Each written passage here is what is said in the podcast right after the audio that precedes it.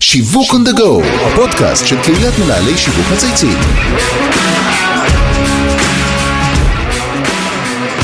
שלום לכולם, וברוכים הבאים לפרק חדש של שיווק on the go, הפודקאסט של קהילת מנהלי שיווק מצייצים. אני מיכל שפירא, ואני ראש בית הספר לשיווק ודיגיטל בפקולטה למינהל עסקים בקריה האקדמית אונו. אתם בטח קצת מופתעים, שכן ציפיתם לשמוע את אבי זיתן, המנחה הקבוע של הפודקאסט הפופולרי הזה. אבל אל תדאגו, כי המרואיין שלי היום הוא האחד והיחיד, אבי זיתן, בעלים של חברה לייעוץ שיווקי אסטרטגי. אבי הוא אחת מפצצות האנרגיה של הענף. בתקופה שעוד הלכנו לאירועים, הוא בלט כמגדלור בכל אירוע, ובתקופה האחרת, הוא מושמע ברכב שלי כמעט בכל נסיעה. ובכל מקרה, משלב תמיד מקצוענות וידע בטונות של וייבים חיוביים. ואבי הוא גם המוביל של הפודקאסט הצבעוני והמעניין של קהילת מנהלי השיווק המצייצים, וחשבתי שיהיה מסקרן ומעניין להכיר אותו הפעם בכיסא המרואיין, וגם ננצל את ההזדמנות לשמוע איך מצליחים לייצר פודקאסט מצליח בתקופה בה הכלי הזה הפך לכל כך פופולרי. ברוך הבא, אבי. אהלן, מיכל, תקשיבי, קודם כל ריגשת אותי בפתיח, שאת כתבת אותו בעצמך. שתיים, זה שהתחלפנו בתפקידים, לא קרה לדעתי ב-185 פודקאסטים האחרונים. רק את יכולה. האמת היא, רק את יכולה. ודבר שלישי, היה לי איזה פעם אחת פודקאסט שעשיתי עם איראן, את יודעת, פחמן, כאילו קצת, אבל באמת, אוקיי. לרוב אני נותן פרשנויות. פחות מדבר עליי, על הקריירה, על הדרך. ומאחר ויש לנו גם מכנה משותף, ויצא לנו להיפגש עם אמיר כהן, ועבדנו בדרך, ואנחנו נכון, גם נכון. חברים טובים וגם מעריכים. לגמרי. אז אם הייתי צריך לבחור מישהי שתראיין אותי, זה את. אה, מצוין, אז אנחנו הולכים איזה לתת כיף. בראש, והאמת היא- מעולה, אז כיף זה באמת. מושלם. ואני בטוחה שבאמת, אה, אה, אה, באמת חברי הקהילה ובכלל אנשים, כל מי שעוסק בשיווק ופרסום, מאוד מאוד ירצה לשמוע פעם אחת עליך. באמת על מה עומד מאחורי אה, אה, האיש הזה, אבי זיתן. תודה, תודה. אז למי שלא יודע, אבי הוא מומחה לשיווק ולאסטרטגיה, הוא מלווה ומייעץ לחברות בכל התחומים, והוא גם אחד המייסדים של הפודקאסט הפופולרי הזה, כפי שכבר אמרתי קודם. והיום החלטתי להשתלט על הפודקאסט ולראיין את אבי, כי לדעתי הוא אחד מהמרואיינים שאפשר וכדאי ללמוד מהם הרבה. וכמו שלמדתי מהטוב ביותר, לפני שנצלול פנימה, נתחיל כמו בכל פרק, להכיר את המרואיין שלנו. אבי, ספר לנו על עצמך, על החיים האישיים, על מסלול הקריירה שלך. יאללה. אז אני בן 54. אה, לפעמים אני לא כל כך קשור לגיל הזה, כן, מדהים, אה? אבל אה, ככה יצא. אתה לא נראה, אתה לא נראה. תודה, תודה, מותק. תמשיכי, די תמשיכי, כמו שאומרים.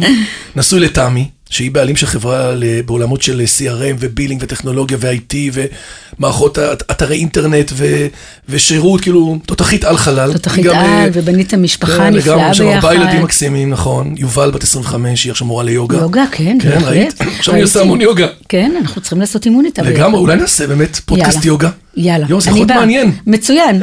כן, הנה כן, עוד, כן. אה, מוצר. עוד פודקאסט, בדיוק. עוד מוצר יוצא לדרך. לגמרי. יונתן, בן 22, אחרי צבא, היה ב...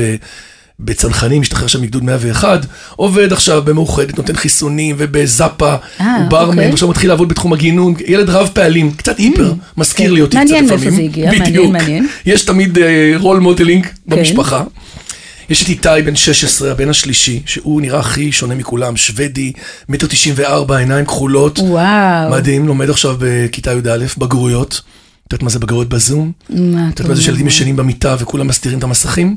מזעזע. אבל הוא משחק טניס וזה קצת, אנחנו מאזנים את כן. המחשבים לעומת הפיזי. כן, זה מוציא את. ילד זקון, בן זקונים, שתמי נורא רצתה, ואני זרמתי, היום הוא בן 13 וקצת. Mm. כמה ח- הילד איזה מזל שזרמת. יואו, תקשיבי, כל החברים שלנו שלא זרמו, היום אומרים לי איזה טעות שלא הבאנו עוד אחד, כי הגדולים כבר לא בבית.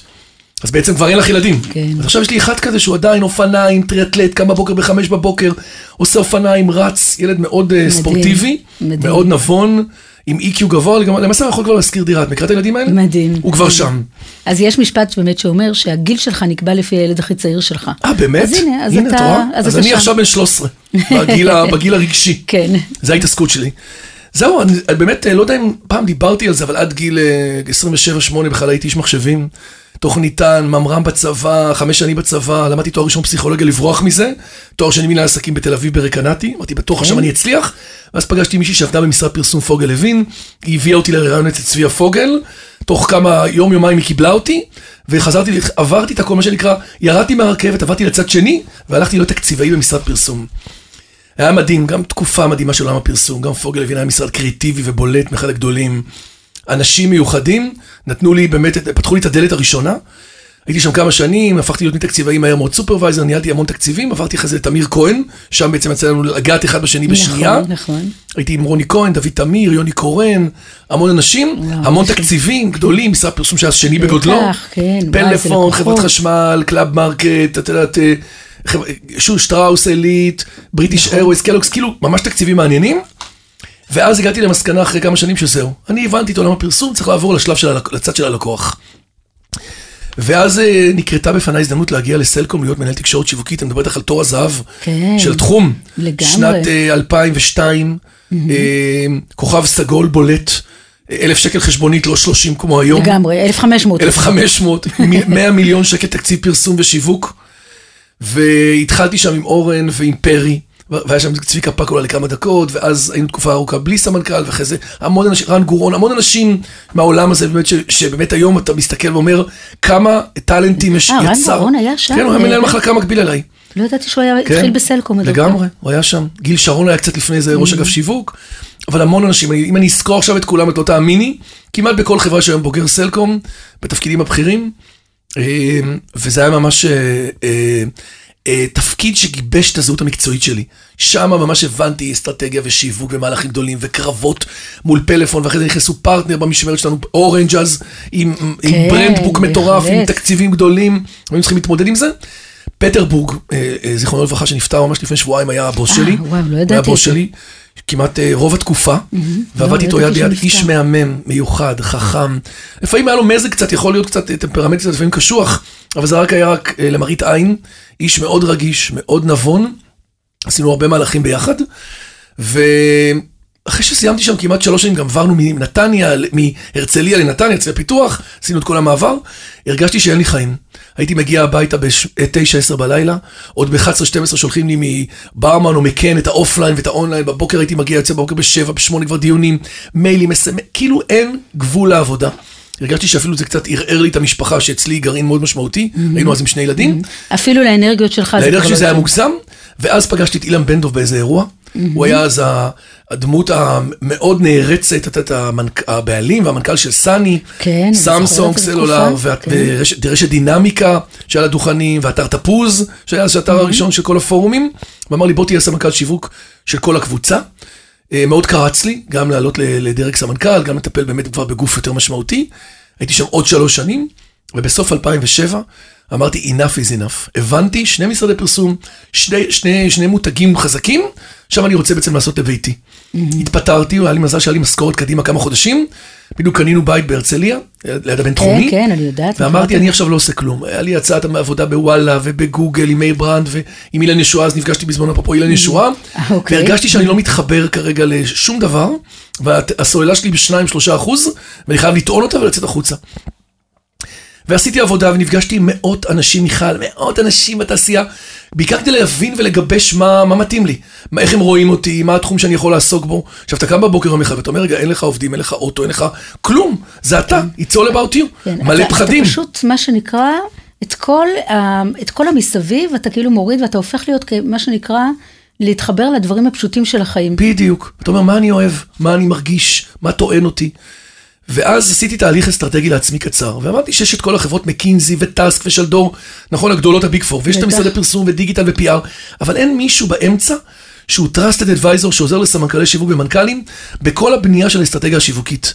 להבין איתם את, ה, את המוצר או את השירות, את המתחרים שלהם, את הלקוחות B2B, B2C, והיה לעבד, עד לגבש. אתמול בנעליים שלהם בדיוק. יפה. עכשיו הייתי בתפקיד שלהם, גם הייתי במשרדי פרסום שאם את זוכרת קצת הפסיקו להיות רלוונטי בעולם של פלנינג ואסטרטגיה. מי כמוך שהייתה מנהלת אסטרטגיה בכמה משרדים יודעת שהייתה מחלקות של שמונה תשעה פלנרים, כל היום אסטרטגיות ומצגות, ויד ימינם של המון מנכ"לים. נכון. המודל העסקי קצת, קצת השתנה במשרדי הפרסום. הם הפכו וזה להיות יותר יצר חברות. ואקום יפה, שאליו ואז יכולת נוצר. ואקום, בול מיכל. ואמרתי, הנה ההזדמנות שלי, אוקיינוס כחול, אין בעצם הרבה כאלה. והלכתי, עשיתי כרטיס ביקור יועץ שיווק ואסטרטגיה, עם לוגו מגדלור דרך אגב, הוא היה בהתחלה בירוק, אחרי זה עבר לכחול.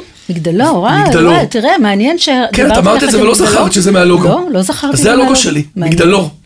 ואמרתי, זהו, אני הולך לעוף על זה, הייתי אז חבר הנהלה באיגוד השיווק אצל טל מבירו כן, המהממת. בוודאי, טל מבירו. קדנציה ראשונה או שנייה שלי שם, בהנהלה, כל ההנהלה הייתה כולה עטורה בסמנכ"לי שיווק הכי טובים בישראל. חברות הכי גדולות, מזרחי טפחות, תנובה, אייל מאליס, כן. ממש נילי צור עוד הייתה בקדנציה אחת, הייתה נכון. מנכ"לית שם איתנו. ואז אמרתי להם, אז אמרו לי, יאללה, לך תהיה יועץ, מתאים לך בול. ולא רק שמתאים לך, אנחנו נפרגן לך ונעבוד איתך. הראשון שנתן לי הזדמנות היה שי אלמוג, שהיה אז ראש אגף שיווק של כללית. אה, כן. הוא הזמין אוקיי. אותי מיד לבוא לעשות אה, פרויקט אה, אה, שיווקי, ונכנסתי לשם, ו-11 שנים עבדתי שם. על כל הכי טובה למשפחה, ליוויתי אותם בכל התהליך והתדמית והמיתוג, אחרי זה המחוזות שלהם, בתי החולים שלהם, סורוקה ומאיר והעמק, תהליכים אסטרטגיים, וממש עפתי על העולם של הוורטיקל הבריאות, זה יצר לי גם התמחות, ומשם עבדתי גם עם סובארו, זה גם היה לקוח די בהתחלה, אלי דוד היה המנכ"ל ורני בנדר. והיו עוד כמה לקוחות נוספים שמהר מאוד נכנסנו לשם גם בעוד תחומים, ולקוח הוביל לקוח הוביל לקוח, ועפתי על זה. במשך השנים הוספתי עוד עובדים, ונכנסתי כמעט לכל תחום, אני חושב שעשיתי איזה 400 תהליכים אסטרטגיים, לא יותר, בכל התחומים, בבנקים, בכרטיסי אשראי, עבדנו עם מקס ועם אה, ישראכרט, ועם דיסקונט, ועם אה, מנורה מבטחים, ואלמן אלדובי, ואוניברסיטת חיפה, ואוניברסיטת אריאל, והדסה, שבע שנים אני מלווה אותם גם בתור ניהול שיווק, ומאוחדת, המון. אני לא אזכור, בחיים קרובים, ותמיר, תאגיד המחזור, ו-you name it. מאוד מעניין ומגוון, כשבעצם המטרה של החברה היא לא סתם לבוא ולעשות תהליך בשביל התהליך, אנחנו לא עושים מצגות. אנחנו עובדים מול KPI. אם מי- לקוח רוצה לגדול בהדסה באלף יולדות בשנה, נעשה תהליך אסטרטגי, נבין איפה הלקוחות, איפה הוואקום.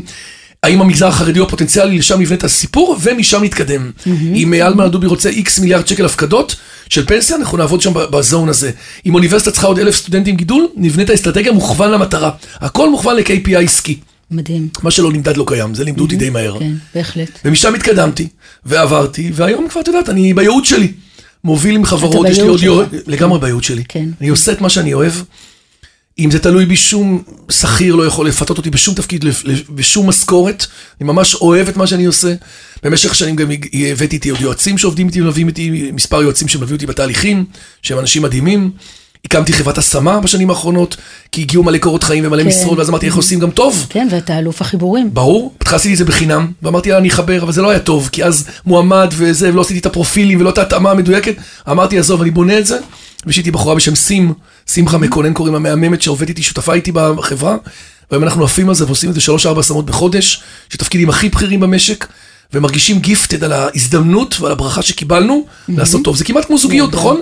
זה מקום בגן. עדן. זה פרנסה. ממש כך, כך. אנשים שאתה מחבר ביניהם ואתה בעצם משפיע פרנסה פעם אחת, ופעם שנייה, אתה שם, אתה מכניס מישהו לאיזושהי צומת שממנה הוא יכול לעוף, והוא. שואל את, את עצמו, הרבה שנים אחרי זה, הוא אומר לך, אם לא הייתי פוגש אותך בצומת הזה, לגמרי. אני שואל את עצמי, איפה הייתי היום? כן, דלתות מסתובבות. כן, הדלתות כל כך מסתובבות. ממש, כי אתה יודע, מספיק שאתה שם מישהו אחר בתפקיד אחר, והכל, כל המסע כבר כן, משתנה. והיכולת שלך באמת ממש. לאבחן ולדעת את ה match הזה, מי מתאים לאן, ולדעת לעשות את זה מדויק, זה, לגמרי. זה כישרון טבעי שיש לך, שאני מבינה שאתה ככה מפתח אותו סביב הדבר הזה. עובד בזה, ולחברה קוראים match. שוב, לא ידעת את זה לדעתי. שם שם מעולה, אז לא, אז אני כבר ראיתי אה, ראית את זה, אז. ראית, אז כן, קוראים לזה כן, match. הבנתי. חשבתי לעצמי שזה שם פוגשים נהדר. טאלנטים ו opportunities, ואנחנו מחברים, ואנחנו יושבים ממש עם סמנכ"לים ומנכ"לים, לרוב דיסקרטית, מאפיינים את המשרה, איזה EQ צריך, ואיזה סוג של מנהיגות, ואיזה סוג של סקילים מקצועיים. יש לנו CRM מאוד משוכלל עם עשרת אלפים מועמדים, ועושים בעצם את ה mix and match הזה, ועושים את ההתאמה. נהדר. תקשיבי, זה פשוט ריגוש כל פעם שזה קורה. הנה, היום קיבלנו הודעה שהתקבל עכשיו תפקיד שיווקי בחברה המרכזית למשקאות שאנחנו עובדים איתם. מעולה. עם בחורה בשם עינת פלד שפירא, שהיא מנהלת את כל הפעילות של המשקאות, המוגזים, המים, המון המון פעילויות. וכל יום עוד מנכ"ל בפרימה, יאיר רוזן, ועוד סמנכ"ל במאוחדת, ועוד מנהל, מנהל דיגיטל. כל יום אנחנו בעצם אה, עובדים וחותרים לסגירה, כשבעצם אה, מודל אה, מרגש, חייב להגיד לך. מצוין. ולא רק הכסף מנהל אותנו פה, בעיקר היכולת לעשות, אה, להשפיע על חיים של אנשים ולעזור להם כן, למצוא עבודה. ולעשות את זה לטובה. לגמרי. כן. וחוץ מזה, אני במדיה ופודקאסטים וכתבות בעיתונים וכנסים, אוהב את העולם הזה. כל הזמן רואים אותך. סימנתי אותו כעולם שאני נמצא בו, ותמיד אני אומר לאנשים, אנחנו נגיע עוד לטיפים בהמשך, תבחר טריטוריה ותעוף עליה. אבל תעשה אותה all in, ותוותר על כל מה שלא קשור. מגיעים אליי פרויקטים קטנים יותר, אני מחבר אותם ליועצים אחר, אחרים. כן. אומר להם, סליחה, אני לא לוקח פרויקטים פחות מ-X כסף וגודל, מהמון שיקולים. למדתי במשך הזמן מה נכון ומה מתאים לי, ואני קורא לזה אמנות הוויתור, וכל יום אני מוותר על דברים שפחות מתאימים לחברה כן, ונכונים לה. מדהים, כל כך קשה להגיד לא, ולמדת לעשות קשה? את זה. אני יודעת כמה זה זה קשה, קשה. וגם בהינתן האופי שלך, שתמיד רוצה לעזור. מרצה גם. ולקדם, בדיוק. נכון. ו- אז נורא קשה להגיד לא. נכון. אבל אני, אני מבינה שגם פה אתה מייצר חיבורים טובים, אז אה, אתה מרגיש שגם פה אתה תורם. ממש, נכון? כן. אז באמת, אה, למי שלא יצא לו לעבוד איתך, אז באמת סיפרת לנו על התפקיד שאתה ממלא עבור הלקוחות שלך, אבל בעצם, למה חברות צריכות יועץ עצמאי? אז תראי, יש לנו דרך אגב עוד, עוד אה, אה, פרק שקוראים לו על דברים שלא יודעים עליך, לפני זה, אני עכשיו מנהל את זה, כי אני מנהל את האירוע איתך. אה, אוקיי, כן. אז רק עוד כן. שלושה דברים קטנים, בשנים האחרונות הבנתי, ואני נותן את זה גם כטיפ למנהלים, גם ליועצים וגם לשכירים, שאתה לא יכול רק לעבוד. אתה חייב להיות work balance. אתה חייב לעשות עוד דברים שבאמת הם מאוזנים. שיטענו אותך. שיטענו אותך, שימלאו לך את הסוללה. כי אם אתה כל היום 10-12 יטענו מצד שעות... אחד ויאזנו מצד שני. בדיוק. אז בחרתי כמה תחומים, אני עושה יוגה עם הבת שלי, פעמיים בשבוע. מדהים. איתה- שזה- איתה לבד או איתה איתה בקבוצה? וקבוצה. עם עוד- שהיא כן, המורה. עכשיו תחשבי מה זה הבת שלך להיות המורה. אסור לי להפריע, אסור לי לדבר, אני צריך להיות הכי כאילו ואתה רציני. יכול לא לדבר? אני מפריע לה לפעמים, כמו כמו התל- כמו המורה והתלמיד. כשאתה תלמיד אתה הופך להיות תלמיד, לא ברור. ככה. סטודנט, כן. בדיוק, סטודנט. אז אני עושה יוגה, התחלתי ללמוד אה, שחייה, אני עכשיו שוחה כבר, אה, עשיתי, סיימתי קורס גדול, חתירה, בשיטת TI קוראים לזה, total immersion, שזה שחיית חתירה באפס מאמץ. או, תקשיבי, באפס אתה שוחה. עשרות בריכות, בנינוחות, עם הגב, עם הנשימה הנכונה, ממליץ בחום למי שרוצה להיכנס לעולם הזה, אירובי? מעולה, לא פוגע בשום שריר בגוף. עכשיו קצת קריר, אבל אנחנו מסתדרים עם הבריכות החמות, כן. אבל פשוט ספורט לגוף ולנשמה. זה עושה לי מדיטציה אחרי כל פעם שאני יוצא מהשחייה. כן, מדהים גם שפעילות נכון. גופנית חשובה. ריצה. טוענת. נכון? כן. ריצה קצת, גם עכשיו קצת פחות, אבל גם. ואני בעיקר אומר, הרבה משפחה, וכל חודש לעשות חופשה עם האישה, עם תמי. כל חודש איזה צימר קטן, לילה אחד, יום חופש פה. כן. תקשיבי, זה גם מתחזק את הזוגיות, כן. וגם עושה לי פאוזות, שבה אני יוצא רגע, ואני כבר חוזר, לא קרה כלום. עוד יום אחד, ואתה אתה לא מתחבר לזום משם? לא מתחבר לזום משם. לא מתחבר. לא. גם תמי לא נותנת להתחבר, אני גם לא לוקח. מחשב. כן. ולרוב אני משתדל להיות במצב טיסה, פה ושם בקטנה עונה לוואטסאפים, אבל משתדל להתנתק. וואו, פעם בחודש. פעם בחודש. הנה, שבוע הבא אנחנו נוסעים כן, גם. קבוע? זאת אומרת, יש איזה יום לא, יום, אנחנו משתדלים להכניס פעם אה, בחודש, כן. זאת אומרת, את- סביב. אירועים וכאלה, אבל נכון. דואגים שזה יהיה פעם בחודש. נכון. וואו, איזה טיפ מדהים. אז עכשיו אני עובר בעצם לשאלה ששאלת אותי, למה בכלל חברות אה, אה, צריכות יועץ שיווקי ואסטרטגי, נכון? נכון. עכשיו, זו שאלה ששואלים אותי כל הזמן. למה? כי בסוף את באה לארגון, יש בו מנכ"ל, יש בו ראש אגף שיווק או סמנכ"ל שיווק, יש בו אגף, שיש בו לפעמים עשרה, חמש עשרה, עשרים, שלושים, אתה עובד במאוחדת, בכללית שעבדנו, במנורה, בגופים גדולים, נכון? שיש בהם עשרות אנשים. כי בסוף השוטף שוטף, ורוב האנשים, אני זוכר את זה בסלקום שהייתי, נמצאים כל היום במסע של המרדף, של ההישרדות, של העוד פגישה ועוד פעיים ועוד דבר ועוד דבר, וקשה להם נורא לחשוב קדימה. ואז מגיעה תוכניות עבודה, וצריך שמישהו יעזור להם. והם מבינים שצריך מישהו שהוא מבחוץ, שרואה המון שווקים, שהוא פרש בחשיבה שלו, שהוא בא לתמוך בהם, בחיים הוא לא יפ- יפגע בהם. אף פעם תמיד גם היו שואלים אותי, תגיד, הסמנכ"לי שיווק לא מאוימים ממך? זה לא פוגע? אני אומר, הפוך, נהפוך אני משרתם של אדונים. כן, אין לי צורך. בקרדיט, אני בא לעזור למיכל, אני בא לעזור לאורית, אני בא לעזור למישהו, אני לא פוגע בו, אני רק תומך אותו ועוזר לו, אני והצוות שלי, לבנות את התוכניות הכי טובות, להביא את השכל הכי טוב, להביא את כל ה-case study מתחומים אחרים, הרבה פעמים אני מביא מעולמות של קמעונאות לעולמות של בריאות, כן. מבריאות לפיננסים. כי לך יש את הראייה ההוליסטית של בדיוק. המגוון, כן, של המגוון. של הרבה פרויקטים, את מכירה את זה בתור. אסטרטגית. ודאי, ודאי. את היום יכולה לשבת עם כל אדם, כדמות שאת לא מכירה את השוק שלו, כפינקר, גם לך יש את זה, לשמוע את האתגר ואת הבעיה ולחשוב איתו הלוגית איך פותרים את זה. נכון. כי זה בסוף דרך חשיבה. נכון, זה דרך חשיבה, ואני חושבת שבאמת, מה, ה- מה שחזק מאוד אצלך, זה אני חושבת שאנשים גם מחפשים פרטנרים. פרטנר שאתה יכול באמת. רגע לרוץ, בדיוק. בדיוק. ושאתה יודע שאתה יכול גם להרגיש נוח להתלבט איתו, ולפעמים גם לספר לו את הדברים הכי ממש. דיסקרטיים, ואת הדילמות גם של הפוליטיקה הפנימית, ושהוא בעדך, הוא שוחר טובתך, הוא, הוא יעזור לך, והוא באמת רואה את הדברים מהצד. אז אסטרטג זה, זה הרגל שלי בדלת, כי זה בעצם ה ticket, נכון? אנחנו צריכים כמו רופא, אנחנו צריכים להיכנס בסוף, נכון. דרך המקצוע שמגדיר אותנו. אבל בדרך אני גם פסיכולוג, ואני גם אה, טרנדולוג, כן, צריך כל מיני כן, לזהות את הדברים נכון. הבאים, ואני גם סוציולוג, כן, כן. צריך לעבוד עם כל הסמנכ"לים וכל הפוליטיקה ודירקטוריון ואישורים ותקציבים, ולבוא עם הסמנכ"ל ולעזור לו ולהכין את המצב, כאילו להיות איתו בדבר הזה, וגם אנליסט. וגם פלנר, וגם תינקר, המון המון דברים, שכל הסקילים האלה יושבים בסוף על EQ מאוד מסוים, ש, שאני אוהב אותו, שהוא מתחבר אליי. מצאתי את המקום שבו אני גם מצליח להיות, להביא ערך, גם מתחבר נורא לאנשים, וגם בסוף, את יודעת, זה כאילו חנות צעצועים, אני מרגיש שאני כל היום בטויז ארס. אני עובר מצעצוע לצעצוע, כן. משוק לשוק, ממש. בבוקר אתה בסלולר, ואחר כך אתה בקופת חולים, ואחר כך אתה בחיתולים, בול. ואחר כך אתה בבירה. ובקמעונאות, בבירה ואחר כך- ובביטוח. כן. תחשבי שלפעמים ביום אחד הייתי בחמישה שווקים שונים. שזה, שזה פשוט מדהים. כן. שזה פשוט מדהים. לגמרי. וקהלים שונים. ממש. שזה פשוט מרתק. ויש גם. מקומות שאנחנו ממש עוזרים בניהול השיווק במיקור חוץ, כמו בהדסה, או בגופים שאני ממש כאילו, אני הדמות השיווקית של הארגון, שזה ארגון כן, מטורף אתה בכלל. הדמות השיווקית כן. של הארגון. כן, עכשיו, אתה, אתה בעצם עצמאי. בחרת באמת, כפי שכבר אמרת, בעצמאות מול העולם של השכיר הבכיר. בול. ואז באמת, וזה נושא שהוא מאוד מדובר עכשיו בתקופה נכון, האחרונה, נכון. כל הנושא הזה של בטח עצמאים עכשיו מול בקורונה שכיר. גם. וגם עכשיו בקורונה, אנחנו יודעים שבאמת יש לא מעט עצמאים שבאמת באים ואומרים, אוקיי, אני יושב עם הרואה חשבון שלי, יש תקופות מסוימות שאני באמת רואה הרבה מאוד פרנסה, ותקופות אחרות שלא, וזה זה באמת... כזה ups and downs, נכון? ויש פה לא מעט אתגרים. אז מהם האתגרים שאתה מזהה למי שרוצה לפתוח בקריירה עצמאית, ואיך אתה מציע להתגבר אחלה. עליהם? שאלה מצוינת. כי הרבה שואלים אותי גם, אז זו הזדמנות טובה דרכך לענות בעצם לכולם. אז קודם כל, אתם צריכים להרגיש רגע שאתם כבר לא קשורים בעבותות לארגונים. יש אנשים שנורא זקוקים לארגון, לביטחון הזה. כן. יש פה איזה פחד, שגם לי היה אותו, וצריך להתגבר עליו שנייה. לעבור איזשהו סוג של קיר אמיתי עם עצמך, ולהבין, אני יכול לייצר ערך, אני טוב, אני מבין, צברתי ניסיון, אני יכול לבוא לעולם ולעזור לאנשים בתחומים שהם עוסקים בהם. צריך להגדיר טריטוריה, כי אנשים היום עוסקים בהמון תחומים, ולהיות גם וגם וגם וגם, מי כמוך יודע באסטרטגיה זה לא ולא ולא. שיווק, marketing, אסטרטגיה שיווקית וזהו. לא להתפרס על המון דברים, אתה יכול להתרחב לעוד חברות, להגדיל את התחומים הבאים, אבל תגדיר לעצמך לייצר שיתופי פעולה. המון. כן. וקודם כל תגיד מה אתה, מה אתה. באלוויטור ספיץ' של החצי דקה, ששואלים אותי מה אני עושה, צריך להגיד את זה ב-30 שניות. תפגשו הרבה אנשים שיעזרו לכם להגדיר ולגבש את עצמכם. הפגישות האלה, זה אני במראה, כמו בסוציולוגיה, דרכם אני לומד. כשאת מספרת לי מה את רואה עליי, ואני שואל אותך, תגידי, מה את חושבת שאני טוב? או במה כדאי לי לעשות? או מה את חושבת שאני יעזור לי? או מה אני אצליח? אז המון אנשים ביחד בונים לך סוג של גשטלט שמגדיר אותך, שזה מקסים. ואז כשאתם מחליטים, תעשו כרטיס ביקור. כרטיס ביקור הוא statement ליקום. אני עוסק בייעוץ. ומהרגע הזה זה התחיל להגיע. מהרגע שעשיתי כרטיס ואמרתי לכולם אני יועץ, התחילו להגיע פרויקטים.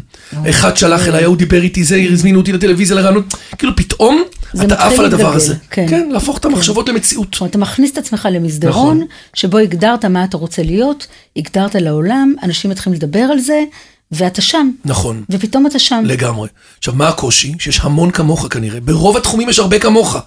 אז פה אני אומר, תשווקו את עצמכם. הסנדלר לא יכול ללכת יחף. כן. לא יכול להיות אדם שאומר, תגיד לי, למה אתה לא מצוין." עושה? אומר לי, אני פה לאוזן, אני מהפרויקטים, ההוא מגיע, אבל אז הוא אומר לי, אבל מגיע לי שניים בח- אה, בחצי שנה, עוד אחד קטן. אני אומר להם, לא, ת- תשמעו, אדם בעקבות גורלו. אני הבנתי אחרי ארבע שנים או חמש שנים, שאני כן יכול להיות במדיה. בהתחלה נורא התלבטתי והיססתי, כי אנחנו בסוף משרתם של אדונים, ואני עובד עבור אחרים, אז האם אני צריך להיות הנושא במדיה, האם אני צריך להיות בטלוויזיה, האם אני צריך להיות... והתשובה היא כן, כי בסוף גם הגדולים רוצים אותך בסוף מוכר וידוע, ועם אה, עם, אה, statement מקצועי. גם להרוויח אותך, וגם שהם ירגישו שהם הביאו לארגון מישהו שהוא טוב. והמדיה עוזרת בזה, עוזרת בזה מאוד, אה, לשווק את עצמך. ובעיקר הטיפ האחרון, לא, אה, מה שנקרא לחיות עם הפחדים, לא לפחד מהפחד, כמו ששרים בשיר. אה, לא לפחד מהפחד, כן. כן. מאוד חשוב, לא, או לא לפחד כלל. או לא לפחד כלל. בסוף נכון. תבוא לשם רפוי ונינוח, ותייצר את זה, ולאט לאט זה יתגבש לך, ותראה שאני יותר בזה, פחות בזה, יותר... ת- לאט לאט זה יז- יזדקק לך, וזהו, ולעוף על זה. מדהים. יש לך באמת משהו, אבי, זה ככה כפתיח לשאלה הבאה שלי, שאתה, כל פעם שפוגשים אותך, לפחות זאת החוויה שלי, אתה מאה אחוז בסיטואציה. זאת אומרת, באמת, עם כל הדברים שיש לך מסביב, אתה, יש, תמיד כשאני פוגשת אותך, יש לי את התחושה, תודה. שעכשיו אתה לגמרי לגמרי קשוב, איתי. כאילו, את אומרת, לגמרי לך. לגמרי, קשוב לחלוטין. אז באמת ביומיום שלך אתה פוגש ומדבר עם המון לקוחות, ובכל רגע נתון, כל אחד מהם יש לו את הקושי והאתגר שלו, שזה מבחינתו יכול להיות עניין של באמת הכי קריטי, הכי משמעותי בקריירה שלו וכולי. והוא מצפה ממך להיות לגמרי. 100% בשבילו. וזה עשרות זה- פרויקטים, כן? בזמן עשרות נתון. פרויקטים. תראי, בכל ארגון יכולים להיות 50 או 70 איש, שונים, שאני מנהל איתם מערכות יחסים, וואטסאפים. מה שעוזר לי בזה, זה שאני גם, לדעתי, ADHD, וגם אוקיי. היפראקטיבי. עכשיו, זה. משהו, באמת, אומר, זה- לא היה מאובחן כילד, אני זוכר את עצמי כילד יושב וקורא מלא פעמים עד שזה נכנס, ויש לי זיכרון צילומי מטורף. אני רואה נייר, אני רואה אדם, כל אדם שאני רואה אותו, הוא נצרב אצלי, כאדם, אני מקטלג אותו במוח, מקטלג, כן. ואני זוכר איך קוראים לו, את כל התפקידים שהוא עשה, הוא יספר לי סיפור, אני אזכור מה אשתו הייתה ומה הילדים, אני זוכר דברים מלפני 20 אוי, שנה. שאנשים בהלם, זיכרון מטורף. אני לפעמים, תקשיב, אני לפעמים עוצרת. ואני אומרת לאנשים, אני אומרת לעצמי, מיכל, תעצרי. זה מפחיד. הוא יחשוב שאת לא נורמלית, הוא יחשוב כאילו שאת את עוקבת אחריו. כן, כאילו עוקבת אחריו. עכשיו, זה מדהים, זה פשוט תכונה. מדהימה, כי אתה כאילו לא זוכר שהבן אדם קיים, ופתאום כשהוא שם, אתה זוכר. קובץ. כן. החברות שלי תמיד אומרות, הרבה מהחברות יש לך המשותפות שלנו, קבוצת כן, חברות טובות, שאני כן, מכיר את כולן, לגמרי. ועבדתי עם רובן. כן, שהן תמיד אומרות, איזה מזל שיש לנו את מיכל, שתזכיר לנו מה מי אמר למי בישיבה לפני. עשר שנים. לגמרי. אז אצלך זה גם, זה כן, מאוד עוזר הדבר הזה. היפר, אני יכול לנתב את עצמי ולצאת ולהיכנס מדברים. אני זוכר את הפוינטרים בשיחה האחרונה, בפגישה האחרונה שהיה לפני עשרה ימים, איפה סיימנו ואיך ממשיכים, אז זה עוזר לי מאוד, כל העולם הזה של גם היפריות וגם אה, אה, הקשבה וזיכרון מאוד... כן, אה, כן, דרך אגב, מאוד מדויק. שמעתי את, אה, את צ'ייסר, כן. באמת מדבר על איך הוא זוכר כל כך הרבה דברים. טכניקות זיכרון זה כן, משהו שפעם ואז הוא עבדתי דיבר עליו. על זה שהוא הוא מחבר סיפור של עולם בדיוק. אסוציאציות, ואנחנו הרי עובדים בזה. ברור, אנחנו ב storytelling כל היום. בדיוק, זאת אומרת, מיד אתה מחבר את הבן אדם, אתה בונה סביבו. נכון. אה, אבל יש דברים שבאמת, הם, הם, זה, זה פשוט מדהים איך שפתאום הם צפים בזיכרון, וזה כוח מאוד משמעותי, כן, נכון. שאתה מנצל נכון. אותו לטובת היחסים עם הלקוחות. גם בהשמה, אני יודע תוך שנייה להגיד, רגע, המשרה הזאת, אני יודע בול מי מתאים. לחבר, כן. ברגע שאני מסיים שיחה עם מנכ"ל או סמנכ"ל, שמגדיר לי את המשרה, אני בתוך שלוש דקות עושה screening על ה-CRM כן, הפנימי כן, שלי, כן. ומוציא לך שני מועמדים שמתאימים ולרוב נסגרים. פשוט מדהים. זאת אומרת, זה יכול להיות גם לעשות את ההתאמה. חיוביות מטורפת, אני כל כך אוהב את מה שאני עושה, אז אני כאילו נהנה מזה. אז אני לא לאה, ולא עייף, ולא מבואס. אני קם כל פעם מחדש, גם כשיש אתגרים וגם כשיש קושי, וממשיך הלאה. אומר, הכל יהיה בסדר. תנשום שנייה, הכל יהיה בסדר. וכשלקוח לפעמים בא אליך באנרגיה שלילית, לא מרוצה ממה שעשית, ואתה גם לפעמים יודע שזה לא בצדק, הוא פשוט משליך עליך איזשהו כעס ש, ש, שכרגע בכלל כן, שלא. צבר ממקום כן. אחר. או לפעמים איך גם באופן אובייקטיבי? אני מנקה את זה רגע, אני לא מגיב מיד. אני לרוב, יש כלל שנקרא להפוך, להיות אבן לרגע. זה כמו מייל שקיבלת כרגע שמעצבן כזה, אני סוגר אותו ואני לא עונה לו מיד באותו רגע. בחיים אני לא עונה למייל שמכעיס אותי, אין גם הרבה דברים שמכעיסים אותי, אבל אם מיד, אני לא לוקח מתפוצץ 24 על שעות. לא מתפוצץ, סוגר, ואחרי 24 שעות מסתכל על זה, כבר הכל נראה אחרת, אחרי 24 שעות, נכון, הכל כזה פתאום כן, מקבל את הקונטקסט האחר. וגם אם יש לי לקוחות, זה לא קורה לי הרבה, אבל שבאמת נניח לא מרוצים, שיש טיפה כעסים, אני יודע להגיד לו, אתה יודע מה, איפה אתה עכשיו? אני בא אליך, אני יושב איתו, באחד על אחד, אני מנקה את זה, מייצר איתו את ה bonding חזרה, מתנצל אם באמת יש דברים שבאמת פגעו או שלא לא שמנו להם לב, וממשיך הלאה. לא נותן לזה לפ, לה, לה, להוריד אותי. אני נושם, אני מבין שלפעמים גם אנשים, הרבה פעמים אנחנו בפרשנויות מטורפות, הרי בסוף אנחנו כולנו פרשנים, ולפעמים. פרשנים גרועים. בטח. כמו. ילדים, אתה אומר, בטח הוא לא זה, יש אנשים שמלא מסקנות מנהלות אותם, לא אוהבים אותי, מזלזלים בי, אני לא מספיק טוב, אני לא זה, ואז הם משליכים את זה על הדיאלוג. נכון. אני מנסה להתנתק מזה, להוציא את עצמי רגע מהסיטואציה ולהסתכל על האדם ולהגיד, רגע, יכול להיות שהוא עמוס, הוא בתוכניות עבודה, אולי עכשיו יש לו קורונה, אולי עם אשתו, אולי לחצים אותו, וזה לא קשור אליי. אז אין לי מה לקחת את זה אישית. אנשים נורא חושבים שנכון שהכל אישי, אבל בסוף, שנייה רגע, ת- תרפו. הדבר הנוסף זה אהבת אדם, אני מאוד אוהב אנשים. אתה אוהב אנשים. אוהב כן. אנשים, בבסיס אוהב אנשים. כן, היא כן. באמת כאילו כל אדם. אין לי כמעט כאלה שאני לא אוהב אותם, אה, בשוליים, בקטנה, אבל באמת הרוב אוהב את רובם. תמיד אני זוכר את זה כילדה, כילד קטן, הייתה לי דודה שנפטרה, שהיא עבדה פעם תקופה בגן. והייתי אומר לה בגן, מי הכי חמוד? מי זה? אמרת לי, כולם. הייתי אומר לה, מה זה כולם? גם ההוא עם הנזלת, גם, היא אומרת לי, כולם מהממים. אני רואה בכל אחד את הניצוץ ואת הספארק, ולקחתי את זה ממנה. מדהים. קראו לה רחל. איזה משפט. ממש כאילו היא אמרה לי, כל הילדים מהממים, תסתכל, מי לא? עכשיו, אחר והיא כך... באמת ראתה את זה ככה? היא ראתה את זה ככה, וגם אני רואה את זה ככה. כי בסוף מה אנחנו משליכים? דברים שאומרים לנו, או רכילויות, או אנרגיות לא נכונות, או רעשים, או מישהו שבא עצבני, זאת אומרת, הוא מגעיל, או לא נחמד. זה לא נכון.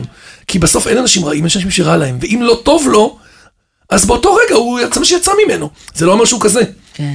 ואתה הרבה פעמים מגלה שגם אם טיפה עולה לי איזה סכמה או, סטיגמה שאני אני מנסה להוריד אותה. כי היא מפריעה לי רגע בהתנהלות, ואחר כך אתה רואה שבסוף, אומר לעצמך, יואו, תראה איזה מזל שזרמת ולא קיבעת את זה, ותראה, בסוף זה צודק. נכון, כי הרבה מאוד פעמים, קודם כל מה שאתה משדר, בסוף זה משתנה, זה חוזר אליך יותר טוב. ולפעמים באמת דברים נרגעים, נכון. ופתאום אתה רואה שזה כבר לא כן. כזה קריטי כמו שנעשה. זאת אומרת, אתה כאסטרטגיה, משתדל לראות את הטוב בב- לראות את הטוב כאדם, באדם. וזה הפך להיות דרך חיים אצלך. נכון. וגם כאסטרטגיה, אתה, לא, נכ- אתה משתדל לא להיכנס לעימותים שלא לצורך, ואם הוא פוגע בך, אתה מנסה לא להחזיר לו חזרה. בשבילו. כן, בדיוק. להגיד, אני מבין שכנראה זה משהו, זה אולי לא הובנתי כצ- כמו שצריך.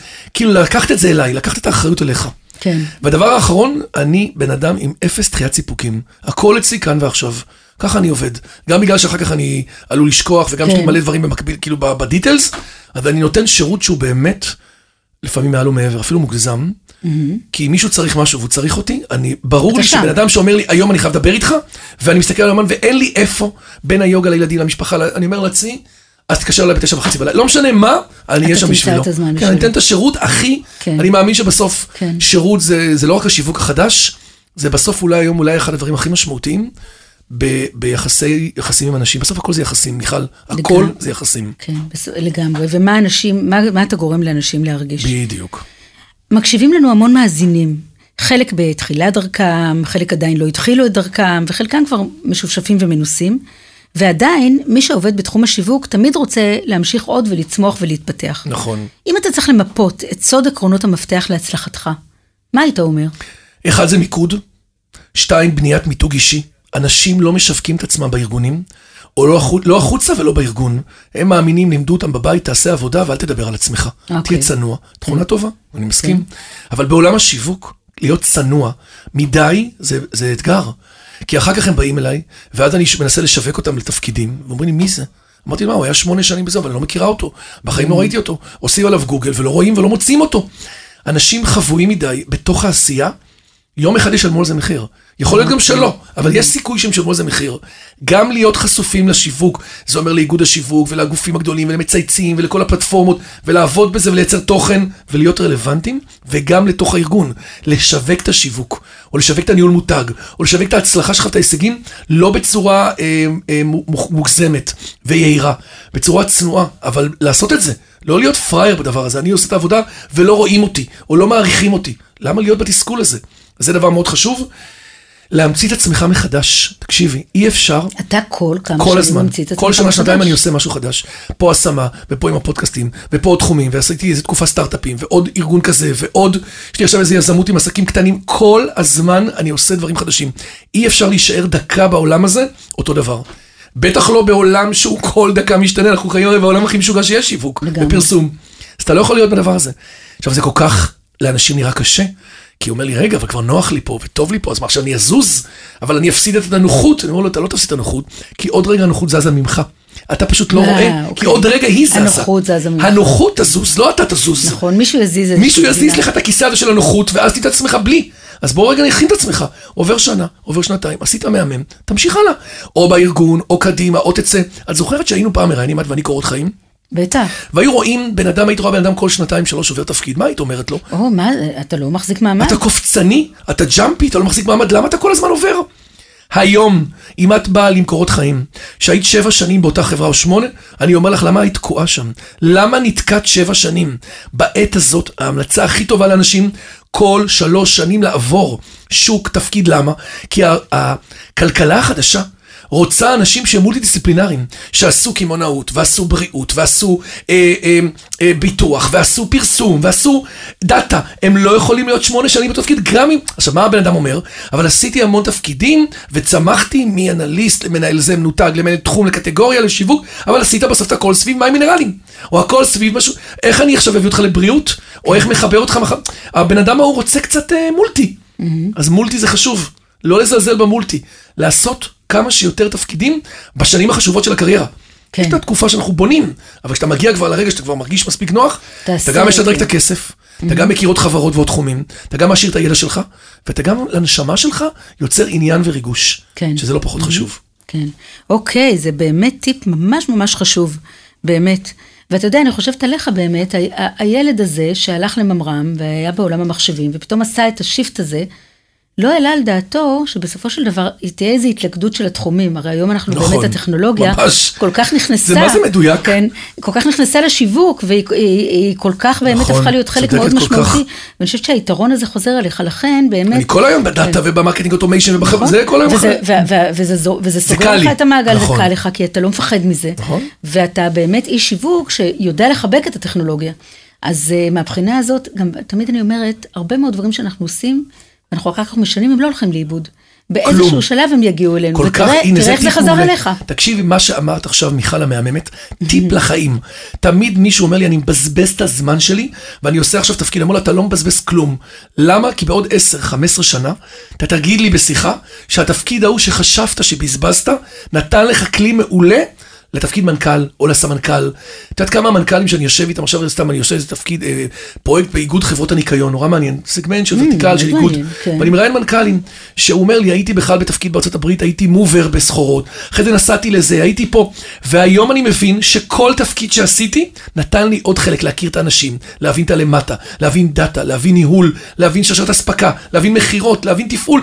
זה קריטי בסוף להתפתחות שלנו בתפקיד. מאוד, לכן, מאוד. כל מה שאתם עושים, it's meant to be. לא, לא להתבאס, אבל לדעת לעבור את הדבר כן. הבא. לא להיתקע מדי בדבר הזה. כן. פשוט לעבור.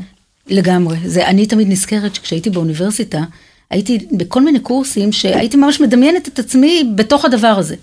באמת? כן, דמיון ממש. מודרך. למדתי, כן, בדיוק, למדתי אה, קורס כזה בפסיכולוגיה, ככה, כל הדבר, מדהים. בכל מקום נכנסנו לדברים האלה. תספר לנו על כמה אנשים, דמויות מפתח בתחום המקצועי שהשפיעו עליך. אז האמת היא שאני קורא ושומע הרבה אנשים, אני, אני אגיד שני אנשים שבאמת לדעתי היו משמעותיים אולי בסיפור המקצועי אצלי. אחד זה דוד פוגל, שבאמת אה. הוא נתן לי את ההזדמנות הגדולה, איש מהמם. המשרד כבר לא קיים היום לצערי, אבל הם היו, הוא היה הדלת הראשונה שנפתחה לי בעולם השיווק כן. פרסום. וזה היה בית ספר מקצועי בתקופה של שרי סימנטו ורוני דונביץ' ואת יודעת, כל הדמויות, ואימי, אימי אירון, כן. בדיוק. הרבה מאוד אנשים שבאמת אה, אה, באמת אה, נתנו לי עולם תוכן מדהים. גלית ליבר מבאק, היו המון, חבר'ה טובים שם היו. ויש לי עוד אדם, אילן בן דב, שדווקא אה, הוא, כן, שנחשב בן אותו אדם קודם. חזק ועוצמתי, שעבר ופרטנר ואורן וכל הסיפור, למדתי ממנו המון, למדתי על ממנו, אסטרטגיה, כן. על, על דיוק, על להגיע ישר לפרקטיקה, לחפש ישר את המודל העסקי, להבין את השוק ולהסתכל קדימה, נתן לי הרבה ערך במקום הזה. כן, אלה האנשים שהשפיעו עליך. הובלת הרבה מאוד מהלכים. אם אתה צריך לבחור מהלך או שניים שמעניינים, אתה, שבאמת מבחינתך אתה מרגיש שהם היו תקועים לפני שהגעת, ובזכות היכולות שלך הצלחת להוביל אותם להצלחה. טוב, יש הרבה, זה תמיד נורא קשה לבחור, זה כמו שעם ילדים כן. שואלים אותך, נכון? אז אני אנסה לעשות באמת משהו ממש בקצרה. היה לנו פרויקט אחד באלמן אלדובי, חברת אה, שהגיעה לאתגר מאוד מעניין, מותג של בית השקעות שלא היה במודעות מאוד נמוכה, קיבלו פנסיה ברירת מחדל, היו צריכים לצאת החוצה לשיווק שלהם, את יודעת, ל-B2C, זה לא רק B2B מעסיקים, גם עובדים, ופנסיה זה עולם שאתה צריך להבין שהמותג חזק, תחשבי מאוד, למול אלטשולר.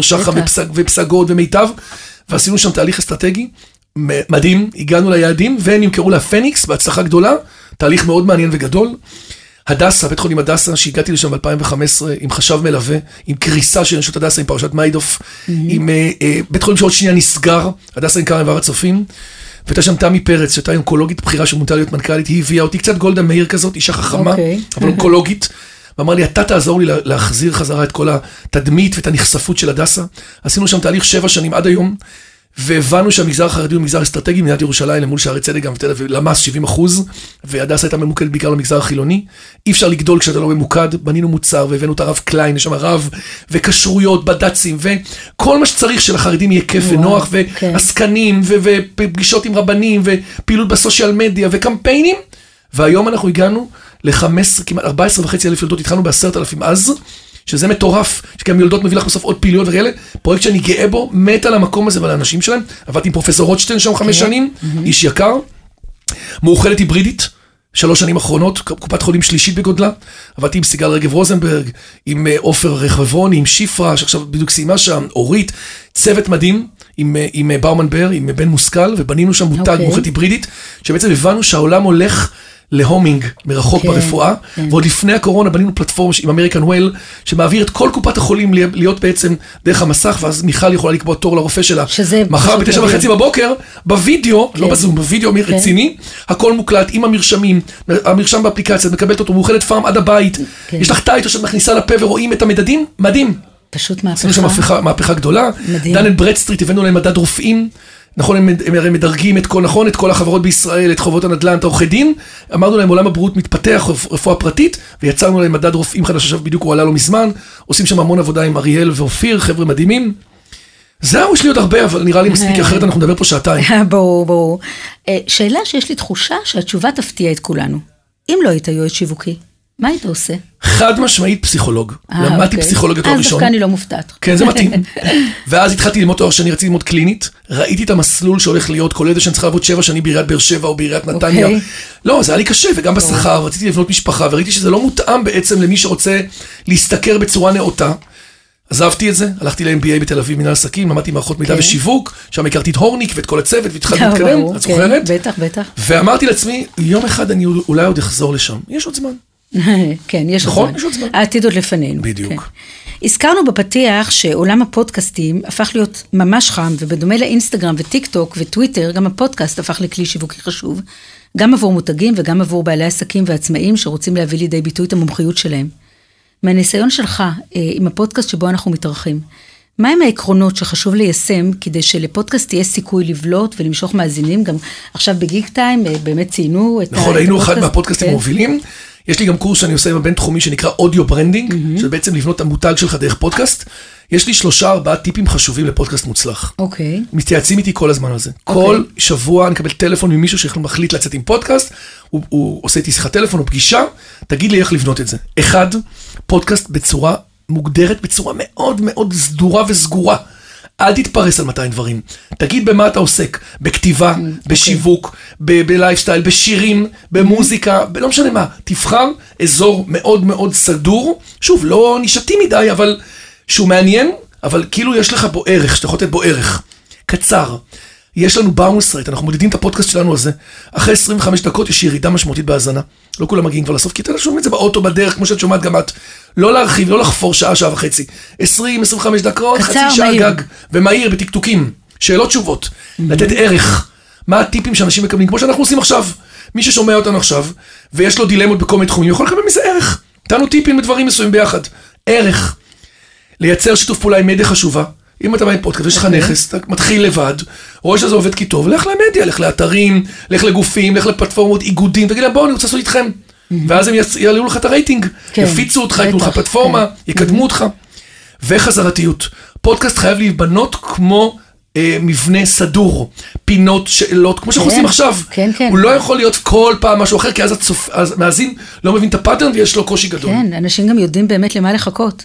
אז אם זה כך, אז באמת, יש לך גם סדרת שאלות קבועה, אני עכשיו נכון. אתחבר אליה. יאללה, בוא ניתן בראש. כן, אה, דיברנו על הצלחות, אנחנו אוהבים בפודקאסט אה, שלך לדבר גם על לקחים, על דברים שאולי פחות הצליחו, תובנות שיש לנו ממהלכים שבוצעו. יש דברים שאתה חושב שיכולת לעשות אחרת? כן, ברור, ברור, ברור לגמרי. אה, למשל, למדתי במשך השנים לא לעשות תהליך אסטרטגי בלי ליווי. אתה לא יכול לעשות אסטרטגיה, להביא את זה, להניח את זה על שולחן ההנהלה או המנכ"ל או הסמנכ"ל, להשאיר אותם עם כל הרעיונות וללכת הביתה. כן. כי אם הם לא הצליחו לעשות את זה בעצמם עד עכשיו לבד, יהיה להם קשה מאוד להמשיך ליישם את זה בלעדיך. היה לי תהליך אחד או שתיים שלא הצלחתי, שלא עשיתי את זה, בתחילת הדרך בשנה הראשונה, שנייה, ואמרתי, זהו no more. מוכר תמיד תהליך, שלושה חודשים, ועוד לפחות ליווי של חצי שנה, זה גם יכול להיות שנה ושנתיים וחמש ועשר ויותר, אבל חייב להיות איתם ביישום ובשינוי.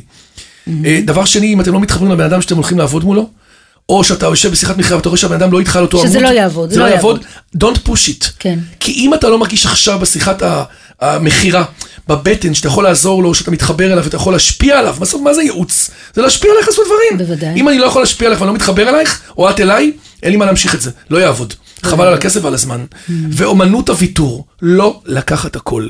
אה, רק מה שמתאים לא. ואתה יכול להצליח. כן, ויש מספיק אנשים אחרים שאפשר להעביר. להם, שפה מצאת דרך נפלאה להגיד לו.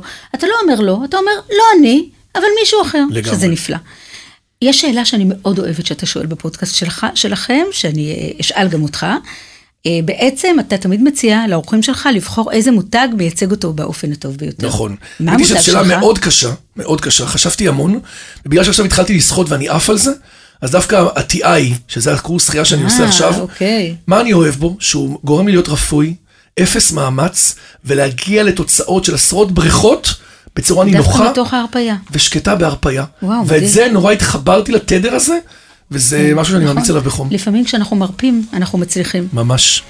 וואי, מיכל. כן, אבי זיתן, תודה רבה רבה לך באמת שאירחת אותי ושנתת לי הזדמנות לספק לחברי הקהילה הצצה, בעצם גם לעולם שלך, ובעצם הבנו מהי הדרך שלך.